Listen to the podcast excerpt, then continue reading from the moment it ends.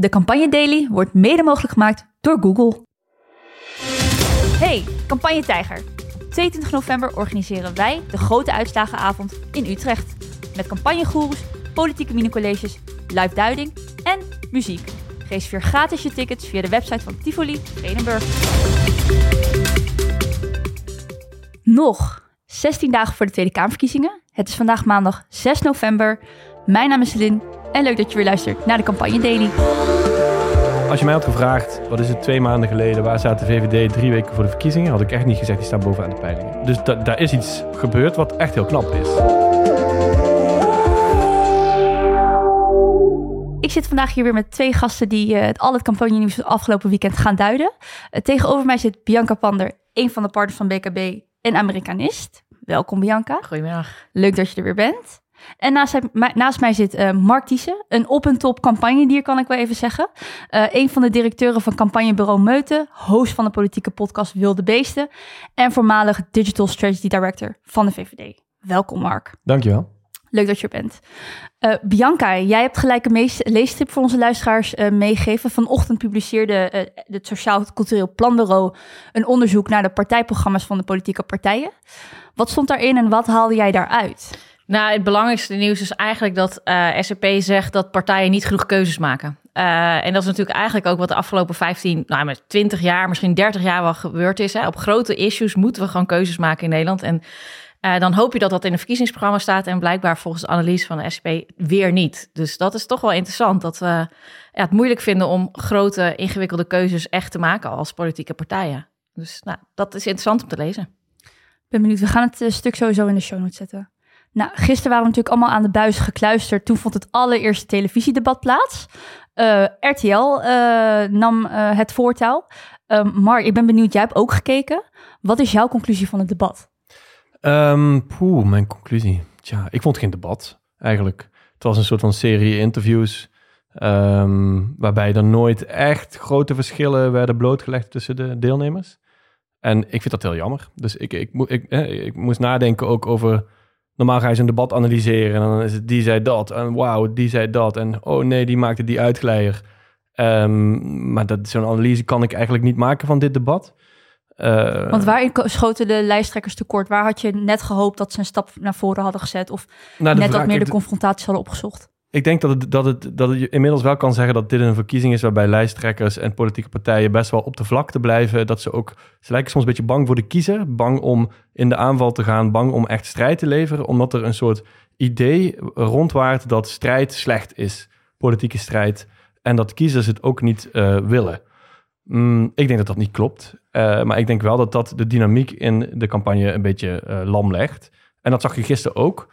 Tegelijkertijd, je ziet wel pogingen, ook gisteren. Uh, maar die werden misschien ook door de opzet van het debat een beetje ja, in de kiem gesmoord of zo. Want leg eens uit, waarin, waarin zag je dat terug? Nou, ik zag dat Dylan, Dylan Jessilgus wel degelijk een paar keer probeerde om, ehm, om echt strijd uit te lokken. Met Timmermans bijvoorbeeld. Dan draaiden ze zich zo naar hem toe om een punt te maken.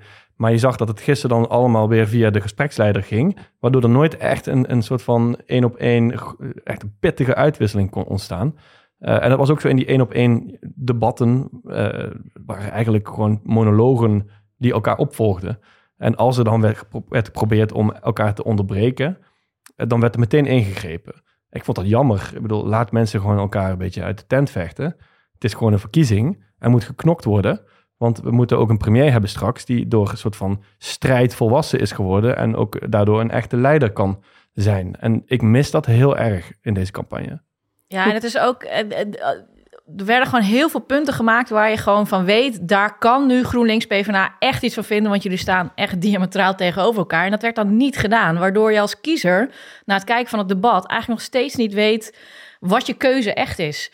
En dan gaat het dus heel erg over kleine puntjes waar je op gaat letten. Van hè, hoe zag je Dylan eruit? Hoe uh, was uh, Frans uh, Timmermans deze keer wel boos of niet? Of dan ga je allemaal op dat soort dingen letten. Terwijl het moet natuurlijk gaan over waar staan de partijen voor? Welke visie hebben zij voor Nederland? En dat kwam er nu echt niet door, omdat ze elkaar niet opzochten. ja, wel juist heel erg opzochten, maar op de punten waar ze op eens waren, niet op oneens. Dus ik ben het echt wel eens met de analyse van Mark. Van je wil weten waar staat die leider voor? Als het straks echt ingewikkeld wordt, gaat die vrouw of man daar dan ook echt voor staan? En dat kwam er nu helemaal niet uit. Dus het was eigenlijk behoorlijk saai gewoon. Geen, ja. geen changemaker eigenlijk, dit debat. We hebben nee, terwijl we dat van tevoren wel hadden gehoopt. Van nou, na dat debat weten we meer. Maar eigenlijk weten we nog steeds niet meer. Maar ondertussen zie je wel dat de peilingen natuurlijk waarschijnlijk wel gaan schuiven. En dat mensen wel mhm. hun conclusies trekken uit het debat. Ook al vonden wij het als duiders allemaal best saai. Ja, wat we dan wel meer weten is dat dit blijkbaar gewoon de, de, de dynamiek is van die campagne. Uh, en het zou dus zomaar kunnen dat het dus ook zo blijft. Hè? Dus ik zie om zich nu niet ineens een enorme aanval plaatsen op, op, op wie dan ook. Mhm. Hij doet toch ook gewoon zijn stokpaardjes van de afgelopen jaren pakt hij en dan probeert hij uh, in dit geval je Silgers op pensioenen een beetje het vuur in de schenen te leggen, maar niet echt. Timmermans, ja, ik weet niet wat hij daar aan doen was, maar uh, heeft hij überhaupt het idee dat er, dat er een ideeënstrijd gaande is? Want ik zie het hem niet op de mat leggen, echt niet. Hij staat daar tegenover, onder andere met je Silgus, wat de VVD is, wat de verpersoonlijking is van wat zijn hele achterban verschrikkelijk vindt de afgelopen 13 jaar. Is het daarover gegaan? Het lijkt wel van niet. En ik vind dat wel vreemd. En hij kiest om zich vervolgens uit in het debat uh, één op één.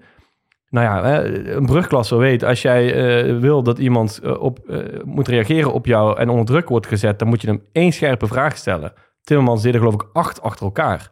Dus Omtzigt kon gewoon een monoloog van vier minuten houden, die niet eens echt ging over waar Timmermans het over had. Ja, ik weet niet. Uh, het is een soort interviewsessie of zo die ze aan het houden zijn. Ik, ik, vind, ik hoor heel veel interessante dingen in de dingen die jij zojuist hebt benoemd, Mark. Um, ik wil even uitzoomen op die campagne. Want je zegt bijvoorbeeld, nou, die drie-strijd werkt volgens mij verlammend. Uh, maar ook, het lijkt alsof politieke partijen bang zijn voor de kiezer.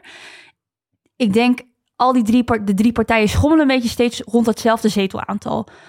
Wat gaat dan wel die changemaker zijn? Waar, waar, wat kan er nog gebeuren om misschien toch nog ervoor te zorgen dat uh, een bepaalde partij een uh, harde eindsprint zet richting 22 november? Ik denk dat, dat uh, als je er nu naar kijkt, dat fouten misschien de grootste changemakers kunnen zijn. Hè? Dus iemand doet gewoon iets heel raars in een debat of wat dan ook. En of loopt helemaal vast of wordt ja, ja of toch te boos. Dat kan natuurlijk ook. Dat is ook ja. wel een fout. Ja. Um, dus dat is één, hè, gewoon een soort van uh, unforced error, eh, zoals ze in het uh, tennis zeggen. En twee is dat ja, je hoopt dat, dat er toch uiteindelijk een keuze gemaakt wordt. Dat als je echt wil winnen en als je ook wil dat je daarna, dat als je gewonnen hebt, dat je ook een soort van verdiend leiderschap hebt en niet een soort van sneaky overwinning, dat je toch een keertje wat verschillen moet gaan blootleggen.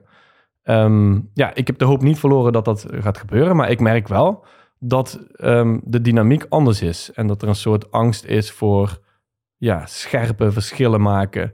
Uh, want dat is blijkbaar oude politiek. Nou, heel jammer dan, denk ik. Ik zou wel wat meer oude politiek willen zien in dat geval. Ik vond gisteren een beetje... Uh, dit is dan nieuwe politiek of zo. Dat je, dat je lekker netjes met elkaar een beetje oneens gaat zijn, maar niet te veel. Want er wordt gezegd, hè, het, het moet inhoudelijk zijn, geen one-liners meer. Was, maar was het ook echt inhoudelijk? Um, ja, ik denk het was zeker inhoudelijk. Ja, op, op punten. En iemand als omzicht, wil, ik ben niet de grootste fan, maar hij is wel inhoudelijk. Ja, ik kan hem dat uh, helaas niet. Uh, nee, maar ik denk wel dat de kiezer thuis, zeg maar, het was soms zo wel zo complex en ingewikkeld aan het worden dat ik denk dat voor de kiezer thuis de inhoud soms wel verloren ging. Uh, en, en je moet soms ook gewoon toch uh, uh, een, een one-liner hebben... wat gewoon jouw beleidsidee gewoon in één keer samenvat. Zodat de mensen thuis ook denken... oké, ja, hier geloof ik al in. Um, dus ik, ja, die dynamiek kan nog veranderen met die drie partijen... maar dan moet het denk ik ook door externe factoren misschien. Dat is nog een andere optie. Dat er extern iets gebeurt waardoor we allemaal moeten reageren... en de toekomstige leiders echt onder druk staan... en misschien uh, Pieter Omtzigt eindelijk wel een keer moet zeggen of hij nou wel of niet premier moet worden, dat hij daar echt toe gedwongen wordt. Dat kan misschien nog de dynamiek een beetje veranderen. Maar uh, ik geloof niet dat zij een van deze drie personen dat heel erg graag opzoekt en het ook niet nodig is. Bijvoorbeeld als je kijkt naar de VVD. Waarom zou Dylan Jezus haar uh, strategie aanpassen? Ik bedoel, ze, ze, ze gaat eigenlijk best lekker in de peilingen.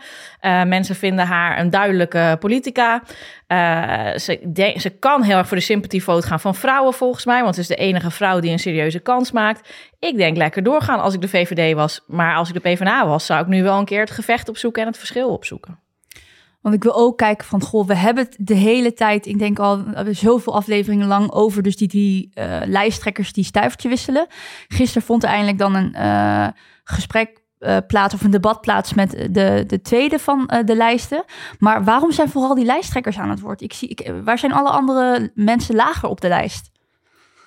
Ik vermoed dat, dat inmiddels alle partijen geleerd hebben dat het niet zoveel zin heeft om meer dan één gezicht in de strijd te brengen.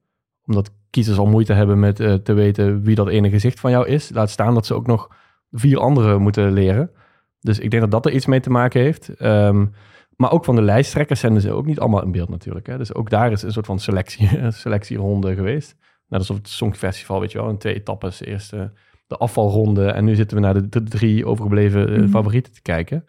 Uh, dus ook daar zie je dat uh, ja, ook niet super breed palet is aan uh, waar je uit kan kiezen, zeg maar. Nee, nou, en ik denk ook dat de lengte van de campagne, ondanks dat we al denken, oh, die campagne loopt al heel lang, maar voordat die partijen de lijsten goed hadden, het partijprogramma goedgekeurd hadden, uh, is het voor bijvoorbeeld individuele kandidaten uit de regio ook best moeilijk om dan nog een campagne te zoeken uh, of te maken die past bij jouw regio. Want je wil natuurlijk ook mensen uit je eigen regio vertegenwoordigen en overtuigen om jou te stemmen. Best korte termijn is. Dus je ziet nu wel her en der wat borden met wat slogans die regionaal bedoeld zijn. Dus ik zag toevallig eentje op de weg van hier naar Friesland. Maar dat was dan één bord. Terwijl ja, eerdere campagnes stond het helemaal vol met borden in de, in de weilanden. Uh, met name CDA, BBB uh, en PvdA die groot zijn met dat soort dingen in Friesland. En dat komt maar nog niet op gang. Maar ik denk ook dat het gewoon toch is... Uh, ja, misschien ook wel financieel, dat zou kunnen, hè, dat, de, dat de potten gewoon wat leeg zijn. Maar ook die tijdsdruk. Het is toch uh, voor de partijen korte termijn geweest, helemaal voor partijen die dan ook nog samen gaan werken. Dus ik denk dat dat toch ook meespeelt. De hete fase is, is voor het beetje lauw. Een beetje lauw nog. Ja, een beetje lauw.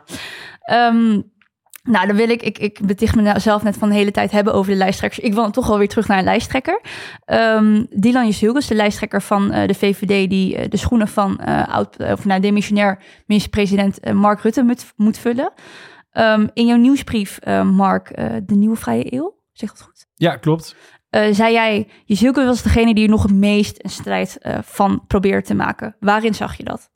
Ik zag het gisteren omdat zij uh, in die, in die zeg maar, uh, debatten met z'n drieën echt een aantal keer probeerden om één op één gewoon je te draaien naar een ander en één op één met die persoon, laten we zeggen, ja, te debatteren. Mm -hmm. dat kwam niet heel erg van de grond omdat de opzet een beetje gek was. Um, en ik zag het in, in die één op één met omzicht, waar zij toch wel. Het was niet, ik, ik, heb acht vragen voor je, kies maar iets uit. Het was gewoon, je, je hebt je cijfers niet op orde eigenlijk. Um, wat ook weer door de opzet een beetje vastliep. Hè? Dus vervolgens kreeg hij weer heel lang de tijd om te reageren. En, maar van die drie die daar stonden, had ik het idee dat zij dat het meeste probeerden.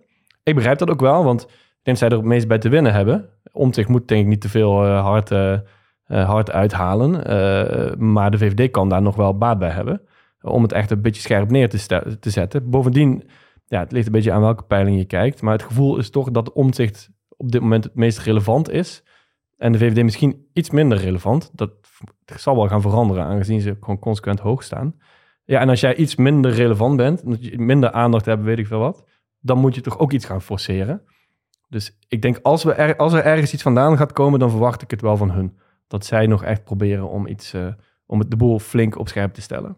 Want Bianca, waarom denk jij dat er een soort van de perceptie is dat uh, met name dat, dat Dylan Jezielkus wat minder zichtbaar is en dat met name het oog op uh, Pieter Omzicht is? Ja, hij wordt gezien als de en hij wordt gezien en gepositioneerd als de grote uitdager van de, de zittende macht. Want Jezielkus wordt gewoon toch vereenzelvigd met uh, 15 jaar VVD of 13 jaar VVD. Uh, beleid en Mark Rutte, ondanks dat ze proberen hè, die afstand wel te creëren.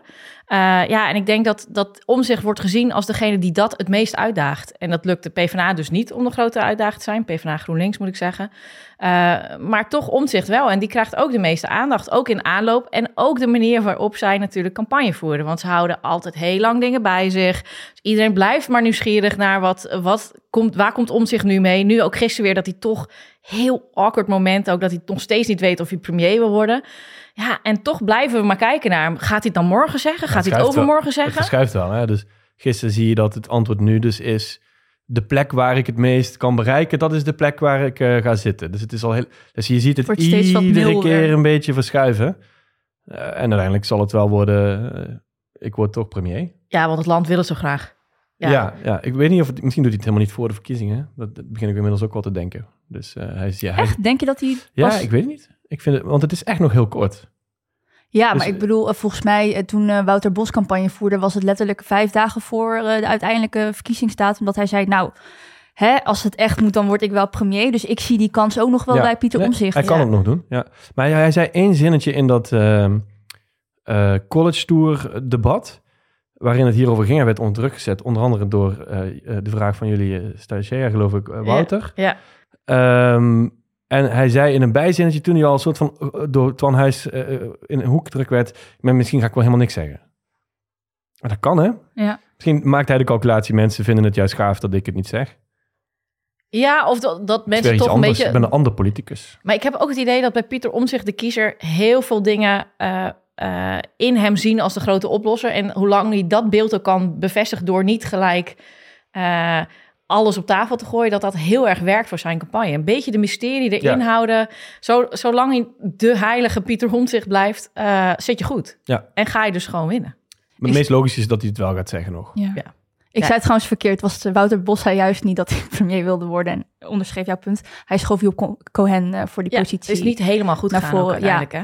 En omzicht eh, kar- karakteriseer jij als de uitdager van de macht. En als we kijken naar Dylan Jezilgus, eh Dat is dan Mark. de macht. ja, hoe positioneert de VVD haar? Positioneert. Poeh. eh, kijk, ik vind ehm, de VVD krijgt eigenlijk weinig aandacht, vind ik, in, nou, misschien ook mijn podcast, dit soort podcasts. Al- al- alle duiders zijn bezig met onzicht en ook wel met Timmermans.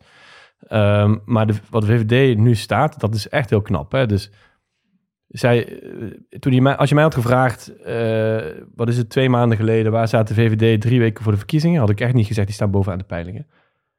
Dus da, daar is iets gebeurd wat echt heel knap is. Mhm. Je, je lijsttrekker, je leider van 13 jaar gaat weg en je houdt blijkbaar dat gewoon vast. Dat is ongekend, hè? Stel dat zij winnen, dat is nog nooit gebeurd. Hè? Dat is echt nog nooit gebeurd. Dat een partij zo lang aan de macht is, is één. Dat je vervolgens met een leiderswissel wissel nog steeds de grote, grootste blijft. Dat zou voor campagnes echt een soort van... Ja, dat kan eigenlijk niet. Unicum, nee. Eh, dus waar ze nu staan, zo twee weken voor de verkiezingen, is echt bizar knap. Maar er is heel weinig aandacht voor geweest. Hè? Maar toch moet je direct dan gaan kijken naar hun lijsttrekker. Want dat is de meest eh, zichtbare kant van de campagne. En blijkbaar doet zij iets wat echt heel veel mensen nog aanspreekt. Ehm, ik denk dat er nog wel iets mist in die campagne. Maar ze staan er echt goed voor en veel beter dan je had durven denken. In ieder geval ik. Hè? Dus misschien moet je sowieso alles met een korreltje zout nemen wat ik zeg. Maar eh, Wat ja. mist er dan? Ehm, kijk, zij zitten in de worsteling dat ze ook wel een beetje afscheid moeten nemen van die periode Rutte. Maar niet te veel, want mensen vinden Rutte nog steeds gewoon vet. Bijvoorbeeld Omtzigt en Tilmans vonden hem ook heel cool, hoorde ik gisteren in het debat. Ehm, dus ze moeten zowel afscheid nemen als eh, op zijn, in zijn slipstream doorrijden. Nou, een beetje een worsteling. Ja. Maar dat Ehm, lukt op zich wel goed. toch? Rutte gaf bij eh, spuigasten aan van... nou, Ja. ik heb eigenlijk te lang gezeten. Ik denk, ik kan me hier ook een positie in eh, Brussel. Ja, maar je ziet het ook gisteren in het debat. Dus een paar keer dat ze zegt, ik wil niet te veel terugkijken. En dan af en toe moet ze toch ook wel eh, het punt claimen... dat het over immigratie gaat en dat het kabinet niet voor niks is gevallen. Dus je ziet wel dat ze daar eh, nou, een beetje mee jong leert soms. Van oké, niet te veel terugkijken, want dan krijg ik echt de bal op de terug. goede dingen terugkijken. Ja, ja, maar ze komt er wel mee weg, grappig genoeg. Dus Ja. ik denk dat ook onderdeel is van het succes. eh waarom Zielgus, die is best soepel in met hoe ze met meningen om kan gaan en, en afstand creëren en niet. Eh, en ze heeft denk ik ook net genoeg afstand, want ze heeft ook niet de hele twaalf jaar Nou er ja, gezeten. dat is Dus niet. ik denk wat dat betreft eh, helpt dat haar wel in hoe ze haar positioneren. Ja, en als ik hun was, zou ik volledig straks gaan op het eh, vrouw zijn. Ook, ook al weet ik dat dat misschien bij de VVD-achterban niet. Maar daar zou je nog best eens mensen mee over de streep kunnen trekken die niet heel erg tegen op de VVD zijn. Met name vrouwen die het toch interessant vinden om iemand een keer op die positie te zien van hun eigen seksen. Ja, ze waarom- doen dat heel subtiel, hè? Dus eh, ze doen het echt wel, alleen subtiel. Ja. Dus ik- je bent zeg maar de, de van eh, D66 en dat soort partijen die bij iedere eh, vrouw of, of minderheid op de lijst dat zeg maar op een zeepkist gaan staan en het tentoonstellen. En dat doet de VVD niet, maar ze doen het wel subtiel. Dat Ja. filmpje met die hakkenschoenen in de sportschool. eh, er zitten, overal zitten wel dit soort dingen in die duidelijk maken. Dit is gewoon eh, misschien de eerste vrouwelijke premier die wij Ja, gaan en, krijgen. En, En ik denk ook het empathische, hè, wat ze in haar probeert te benadrukken. Dus die filmpjes die vorige week naar buiten kwamen voor over de zwevende kiezer. Van ik sta naast je, waar ik van ook van denk, nou je kan niet naast iedereen gaan staan, want dan maak je wederom geen keuzes. Maar het is wel een soort de empathische leider. Dus ik denk, ja, het, het zit er heel subtiel in. Maar ik denk als ze dat gewoon een beetje vasthouden, dat dat nog best wel eens voor ze kan gaan werken.